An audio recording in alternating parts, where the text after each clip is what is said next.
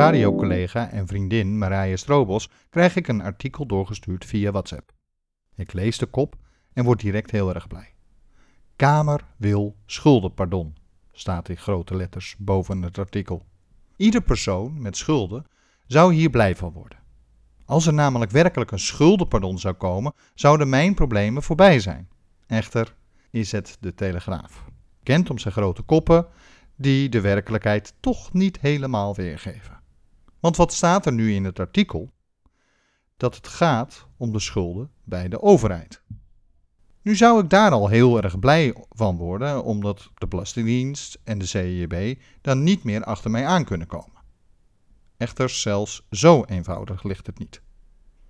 Het gaat namelijk om de schulden die ontstaan zijn door extreme verhogingen die de overheid oplegt als een rekening niet betaald wordt. Nu heb ik hier natuurlijk een aflevering over gemaakt via het CJIB en ben het daar ook al heel blij om. Volgens Jasper van Dijk van de SP worden sommigen genadeloos uitgeknepen door de overheid. Quote: Verhoging op verhoging heeft geen enkel doel. Gezamenlijk met CDA-kamerlid René Peters wil hij dat er een onderzoek komt, zodat de mensen in ieder geval niet meer door de overheid in de problemen komen. Nu juich ik dit initiatief natuurlijk heel erg toe. Natuurlijk ben ik blij dat de Tweede Kamer nu eindelijk in lijkt te zien dat de praktijken van de overheid onmenselijk zijn richting mensen die in een problematische schuldensituatie zijn beland. Maar ja, er komt eerst weer een onderzoek. Daarna komt er natuurlijk eerst nog een discussie in de Tweede Kamer. Dan moet het nog door de Eerste Kamer heen. Dus op zijn vroegst wordt er over twee jaar pas iets aan gedaan, mits er dan nog een meerderheid is om er werkelijk ook echt iets aan te doen. Ik zou zo graag een keer zien dat de ministers en staatssecretarissen gewoon direct iets zouden doen op eigen initiatief, omdat zij ook vinden, ongeacht politieke stroming, dat ieder mens menselijk behandeld zou moeten worden.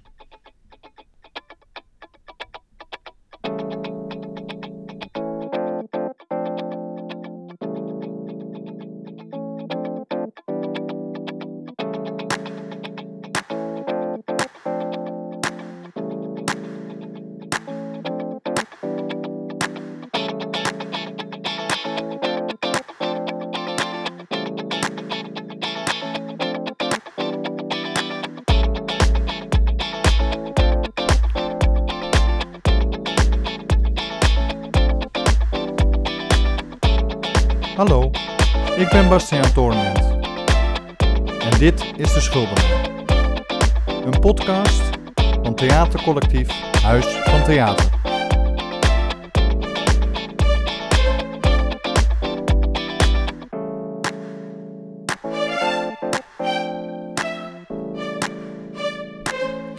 Sorry, er moet mij even iets van het hart, want daar heb ik me deze week nogal kwaad over gemaakt. Deze week kwam namelijk uit dat Klaas Dijkhoff, Tweede Kamer fractievoorzitter van de VVD en potentiële kroonprins voor het leiderschap als premier Mark Rutte ooit zal besluiten om te stoppen, dat hij bovenop zijn riante salaris als Tweede Kamerlid ook nog wachtgeld krijgt omdat hij als minister meer verdiende dan nu als Kamerlid. Wettelijk gezien doet hij inderdaad helemaal niets verkeerd. Ethisch gezien is hij niets meer dan een grote graaier, een profiteur. En dat woord gebruikt hij zelf namelijk heel vaak. Want dezezelfde Klaas Dijkhoff heeft onlangs nog gezegd over mensen in een bijstand dat zij aantoonbaar bij moeten dragen aan de samenleving, want als zij dat niet zouden doen, dat hij vindt dat zij gekort moeten worden op de uitkering. Nu ligt een gemiddelde bijstandsuitkering op zo'n 1030 euro netto per maand. Met vakantiegeld is dat 13.000 euro netto per jaar. Klaas Dijkhoff krijgt als Kamerlid ruim 8.000 euro netto per maand. Met vakantie- en eindejaarsuitkering krijgt hij ruim 120.000 euro per jaar. Maar dat is voor hem te weinig. Want als minister verdiende hij 164.000 euro. Dus doet hij nu beroep op wachtgeld, waardoor hij 44.000 euro extra per jaar krijgt, zodat hij hetzelfde blijft verdienen als minister. Want oh, het is zo zwaar om maar van 120.000 euro te moeten leven. Andere oud-ministers, zoals bijvoorbeeld Lodewijk Asscher, die nu als Kamerlid werken, hebben afstand gedaan van hun wachtgeld.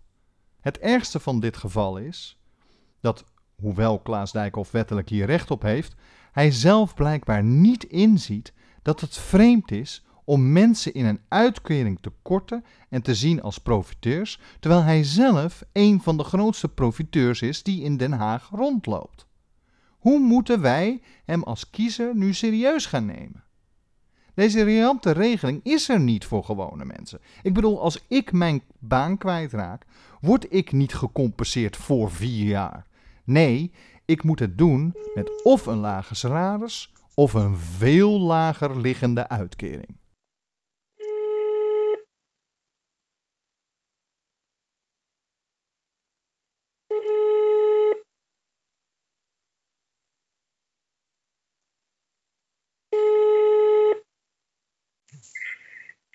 Dit is de voicemail van het Social Wijkteam Gemeente Zandvoort. Op dit moment zijn wij niet in de gelegenheid te woord staan. Spreek uw naam en telefoonnummer duidelijk in. U kunt ook een e-mail sturen naar socialwijkteam.zandvoort.nl. Er wordt zo spoedig mogelijk contact met u opgenomen. Einde bericht. Neem na de toon uw bericht op. Gelukkig zijn er voor gewone mensen wel andere regelingen. Zo kan je bij de gemeente aanvraag doen zodat je vrijgesteld wordt van gemeentelijke en waterschapbelastingen. Nu zijn er vele mensen die het hier niet mee eens zijn. Maar ik vind het goed, omdat deze belastingen nu net extra kosten zijn die mensen met schulden vaak niet meer kunnen betalen. Daarbij, als zij ze niet betalen, terwijl ze dat wel moeten, krijgen ze hier weer verhogingen op waar nu eindelijk de Tweede Kamer een onderzoek naar gaat doen om ook die af te schaffen voor mensen met ernstige schulden. Tevens kan je, mocht je een kind hebben, aanspraak doen op minima-regelingen voor uw kinderen, zodat zij gewoon kunnen sporten en tegemoetkoming krijgen in de schoolkosten. Wat daar belangrijk bij is, is dat dit in de meeste gemeentes aangevraagd moet worden via het sociale wijkteam.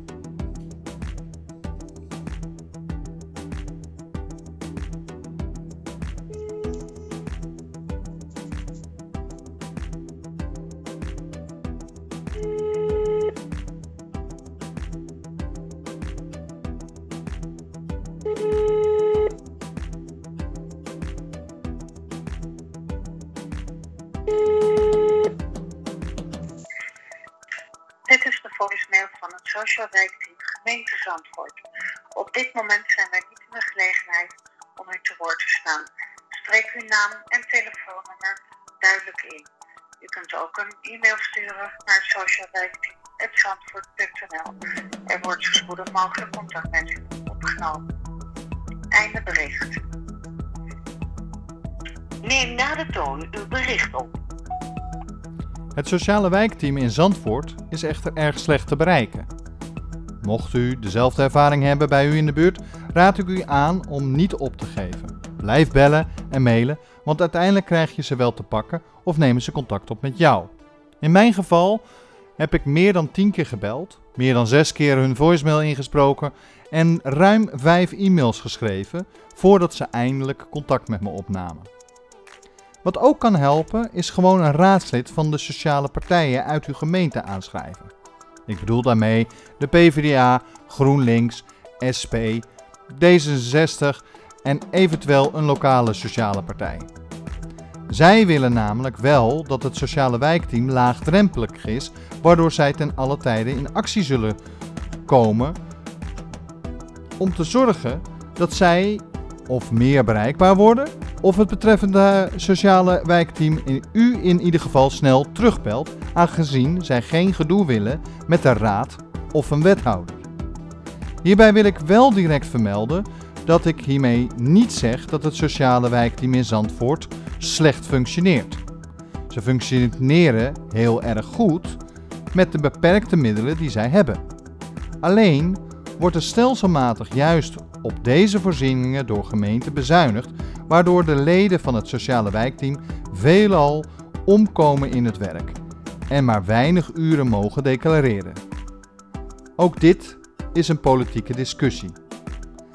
En wat u ook stemt, rechts, links, religieus of atheïstisch, eurofiel of eurosceptisch, het maakt niet uit.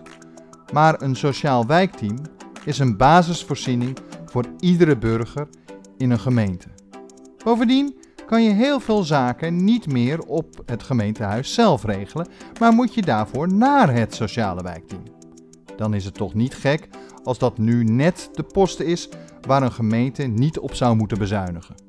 Al was het alleen maar omdat het hun eigen functioneren tegenwerkt.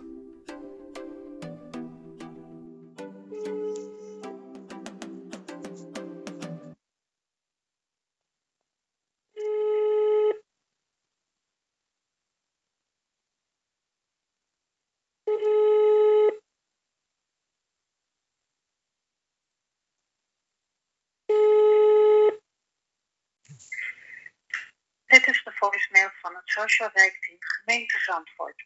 Op dit moment zijn wij niet in de gelegenheid om u te woord te staan. Spreek uw naam en telefoonnummer duidelijk in. U kunt ook een e-mail sturen naar socialwijkteam.zandvoort.nl. Er wordt zo spoedig mogelijk contact met u opgenomen. Einde bericht. Neem na de toon uw bericht op.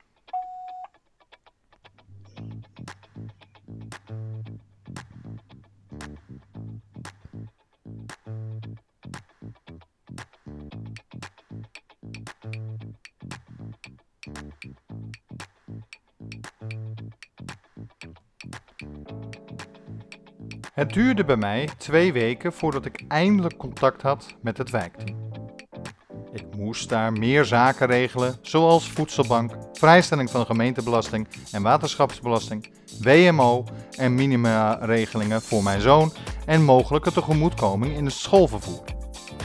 Als eerste kreeg ik contact met iemand van de sociale wijkteam die mij belde voor een afspraak om mij in te schrijven bij de voedselbank. Nu ging ik er eigenlijk vanuit dat ik hier geen recht op had, maar niet geschoten is altijd mis.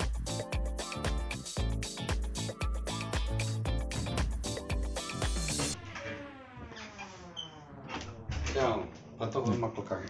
Jawel hè. Dat, dat, eh. Oké. En waar de huurtoeslag hadden we inderdaad ingevuld. ja, Nou, de zorgtoeslag wordt automatisch geïnd door het zak, geloof ik. CAK? Ja, CAK. Echt? Ja, ja, Dat is een gekke constructie. ja, dat komt omdat ik eh, schulden eh, heb bij de zorgverzekering. Dus oh, zij pakken ja, automatisch nee, dat is niet eh, zo gek. Is dat via het CAK? Oh, dat wist ik niet. Ja, dat is tegenwoordig. Ja, eerst, eerste keer, eerst was het via het CJIB ook. Dat zij dat deden. Oh. En nu is het tegenwoordig het zak voor. eh, ja, dat is het veranderen van departement, weet ik. snap ik niet dat zou, helemaal. wel, dat, dat zou wel kunnen hoor. inderdaad, ja. Goed, dan zet ik dat er even bij. Eh, want dan is het wel, anders ga ik de vraag krijgen, eh, krijg wanneer geen zorgtoeslag? Ja, klopt wel, maar... Ja. ehm,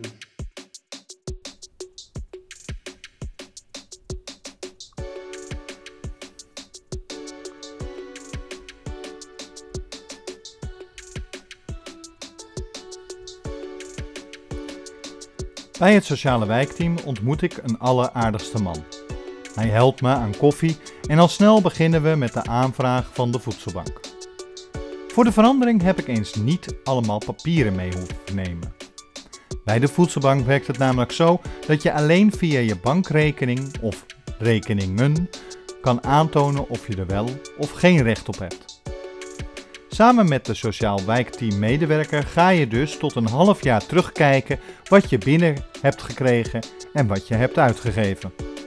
Bij iedere post krijg je de kans om aan te geven wat het inhoudt en ik moet wel zeggen dat, ook al moet ik voor de zoveelste keer mijn hele verhaal doen, het toch wel een gemoedelijk gesprek is.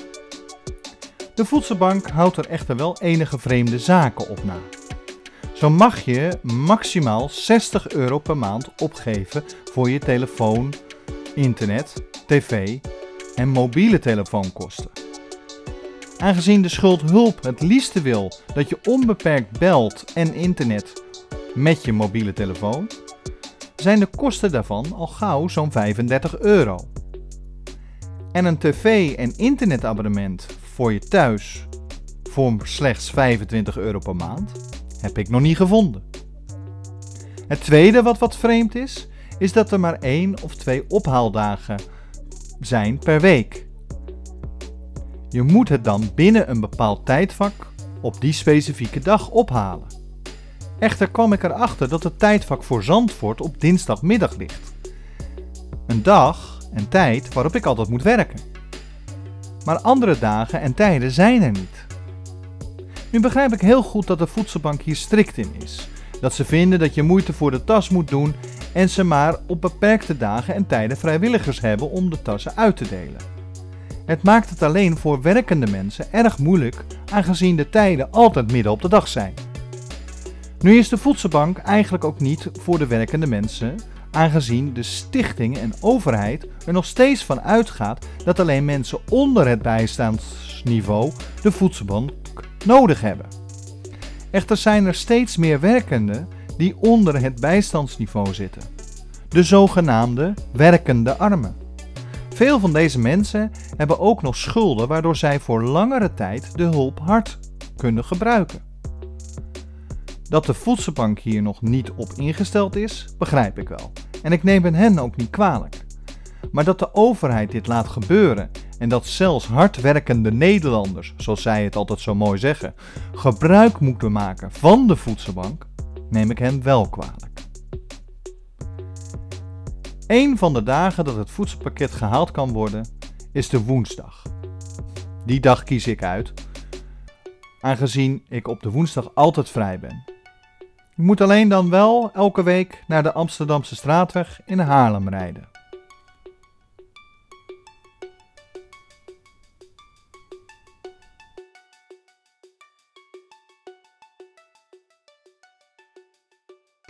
Nog eh, andere dingen, eh, kwijtscheldingen die je hebt aangevraagd? Of waarvan het goed zou kunnen zijn om er nog eens naar te kijken? Er meer potjes en regelingen zijn. Nou ja, de schuld, de, de, de, de, de, de, de gemeentesanering hier. Want dat krijg ik gewoon weg niet voor elkaar. Oké. Ten eerste kan ik op de website van Zandvoort sowieso helemaal niks vinden hoe je in godsnaam vrij, vrijstelling kan krijgen. Want ze zetten wel dat, dat je het kan krijgen. Maar waar je nou naartoe moet, eh, geen idee. Zal ik Nou ja, dat zal bij WMO. Dat, dat, uiteindelijk ben ik erachter dat dat bij, via jullie kan. Via het sociaal wijkteam. eh. Naar socialatie, dus ook daar Ja. een afspraak voor je. Ja, graag. Of heb je dat al? Nee, want, je, want je. zou, eh, eh, Oh. ze zouden me terugbellen, maar dat hebben ze. nog- Jij hebt toch toen gezegd van ik, eh, je moet bij een raadsheer via de telefoon zei je dat. Oké. En raadsheer, ik zal het doorgeven zodat ze je een afspraak gaan maken. Ga ik niet doen. Oké, ja. Sorry. Nee, geef niet, geef niet. Of heb ik dat nou wel gedaan? Ik ga Dat, even kijken hoor. Want ik ben nog niet teruggebeld door ze. Dat, Ja, niet teruggehaald, oké. Misschien heb ik dat wel gedaan hoor. Kijken. En toen dat ik niet teruggebeld word door de gemeente soms, sta ik niet zo gek aan het kijken. Al moet ik zeggen dat Haarlem slash Zandvoort het beter geregeld heeft dan dat Amsterdam dat deed. Daar kreeg je een terugbelafspraak, altijd, weet je wel. Die kon je dan digitaal of eh, telefonisch Dat maken. deden ze eigenlijk nooit. En dat deden ze nooit. Belastingdienst is precies hetzelfde. Terugbelafspraak, dat nou ik ben nog nooit teruggebeld door de Belastingdienst, echt niet. Mijn hele leven. Ja, Het is dat ik zo zelf zo do- zo'n zeikert ben die dan op een gegeven moment tegen zo'n zegt, je gaat me nu maar gewoon doorverbinden en anders ga ik direct een klacht indienen. Ja. Dat ze dan Ik toch moet wel... zeggen dat ik er bij geen enkele organisatie in geloof hoor, die terug wel. eh, Nee hè, het gaat altijd mis. Dat Dat, gaat altijd mis dat, inderdaad. ja. eh, Eerst even over de voorstelling. Ik loop namelijk een beetje vast in het schrijven van teksten. Ik loop vast in het verhaal. En dat komt doordat er zoveel tegelijk te regelen valt. Dat het proces zoveel aspecten tegelijk heeft, waardoor iedere invalshoek eigenlijk tekort doet aan wat er nu werkelijk aan de hand is. Of moet ik terug naar de basis. Terug naar de reden waarom ik ooit ben begonnen met het idee voor een voorstelling. Terug naar de reden waarom ik deze podcast start. Moet ik niet gewoon terug naar de schaamte? Naar het doorbreken van de schaamte. Want die schaamte speelt nu nog steeds een rol. Want toen ik het gesprek inging, had ik niet het idee dat ik recht zou hebben op de voedselbank. Toen ik eruit kwam, wist ik dat het normbedrag 325 euro per maand is. Heb je dat of minder per maand te besteden aan boodschappen, persoonlijke hygiëne en kleding gezamenlijk, dan heb je recht op de voedselbank. Dit was voor mij toch wel een meevaller, maar deze meevaller zal ik niet van de daken gaan schreeuwen. Nee, het feit dat ik recht heb op voedselbank, daarvoor schaam ik me. En dat geldt wel voor meer regelingen waar ik mogelijk recht op heb. Wonder boven wonder werd ik twee dagen na dit gesprek al gebeld door de sociaal raadslid voor een afspraak. Ik kan er echter pas 11 december terecht, wat wel weer lang wachten is. Dit laatste vind ik zelf dan misschien niet zo erg, maar mijn schuldhulpverleningsconsulent wil graag verder en dus aan de slag. Zij dringt daarom dus ook veel bij mij aan om vaart te maken. Het probleem hierin is echter dat ik alleen vaart kan maken als de instanties die ik nodig heb dit ook toelaten en meewerken om alles zo snel mogelijk voor elkaar of duidelijk te maken. Een van de organisaties die dus weer lang op zich laat wachten is het SVB. Aangezien mijn ex vorig jaar niet goed meewerkte, kreeg ik niet de kinderbijslag op mijn naam, waardoor ik ook geen kindertoeslag kon aanvragen. Nu hebben we hier duidelijke afspraken over gemaakt en heb ik een nieuwe aanvraag ingediend. Echter nu krijg je dus dat het SVB opnieuw een onderzoek in gaat stellen of mijn zoon wel bij mij woont en of mijn ex ook akkoord gaat dat de kinderbijslag voortaan op mijn naam komt te staan. Dit onderzoek duurt minimaal 6 weken. Het grootste probleem met dit alles is dat je voortdurend met instanties te maken hebt en jij zelf moet uitvinden waar je voor wat moet zijn. Het eerste probleem is daarmee, zoals u heeft kunnen horen in het gesprek met het sociale wijkteam, dat websites van instanties en overheden heel erg onduidelijk zijn. De websites van de gemeente Zandvoort is daar een heel goed voorbeeld van. Veelal kan je wel vinden waar je recht op hebt en dat er allemaal extra's zijn voor minima en mensen in de schulden. Echter, waar je wat moet aanvragen en wat de eisen zijn om ergens aanspraak op te kunnen maken, kan je er veelal niet vinden. Nu ben ik nogal een pitbull die zich vastbijt in zaken en veel research doet. Maar de politiek kan toch niet verwachten dat iedereen zo is. Ik ben nog hoog opgeleid en niet op mijn mondje gevallen, maar zelfs ik krijg niet alles meteen voor elkaar, of kan het niet vinden, of begrijp niet altijd waar ik nou precies moet zijn of wat er van mij verwacht wordt. Hoe moeten mensen die laag opgeleid zijn of mensen die minder mondig zijn dan uitvinden waar ze recht op hebben. En dan kom ik terug bij het begin. Klaas Dijkhoff weet precies waar hij recht op heeft. Hoewel het ethisch zeer verwerpelijk is, maakt hij slechts gebruik van een regeling waar hij recht op heeft. Maar Klaas Dijkhoff is een hoogopgeleide bobo die ook nog eens de juiste mensen kent om ervoor te zorgen dat hij niets tekort komt. De meeste mensen in een bijstandsuitkering hebben deze connecties niet, waardoor zij veelal niet eens gebruik maken van de regelingen waar zij wel recht op hebben en die ook ethisch verantwoordelijk zijn. Een andere reden waarom ze, zij veelal geen gebruik maken van deze regelingen is de schaamte. Want het lijkt in deze podcast alsof ik makkelijk en bijna zonder schroom een aanvraag doe voor de voedselbank. Maar dat is schijn.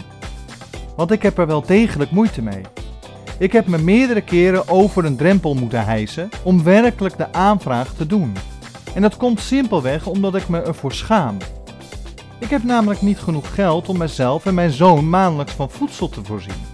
Ik kan dus mijn zoon niet eens de eerste levensbehoefte geven.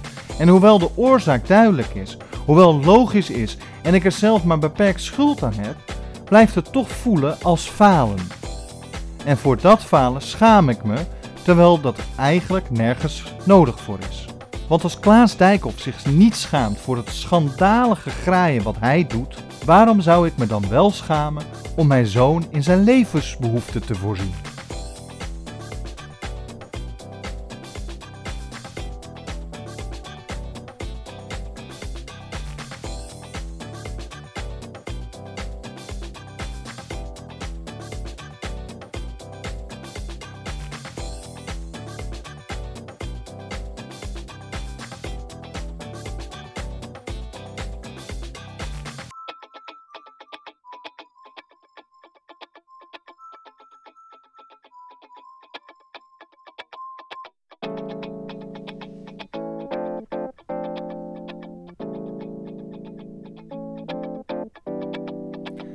Schuldenaar wordt gemaakt door mij, Bastiaan Toornent.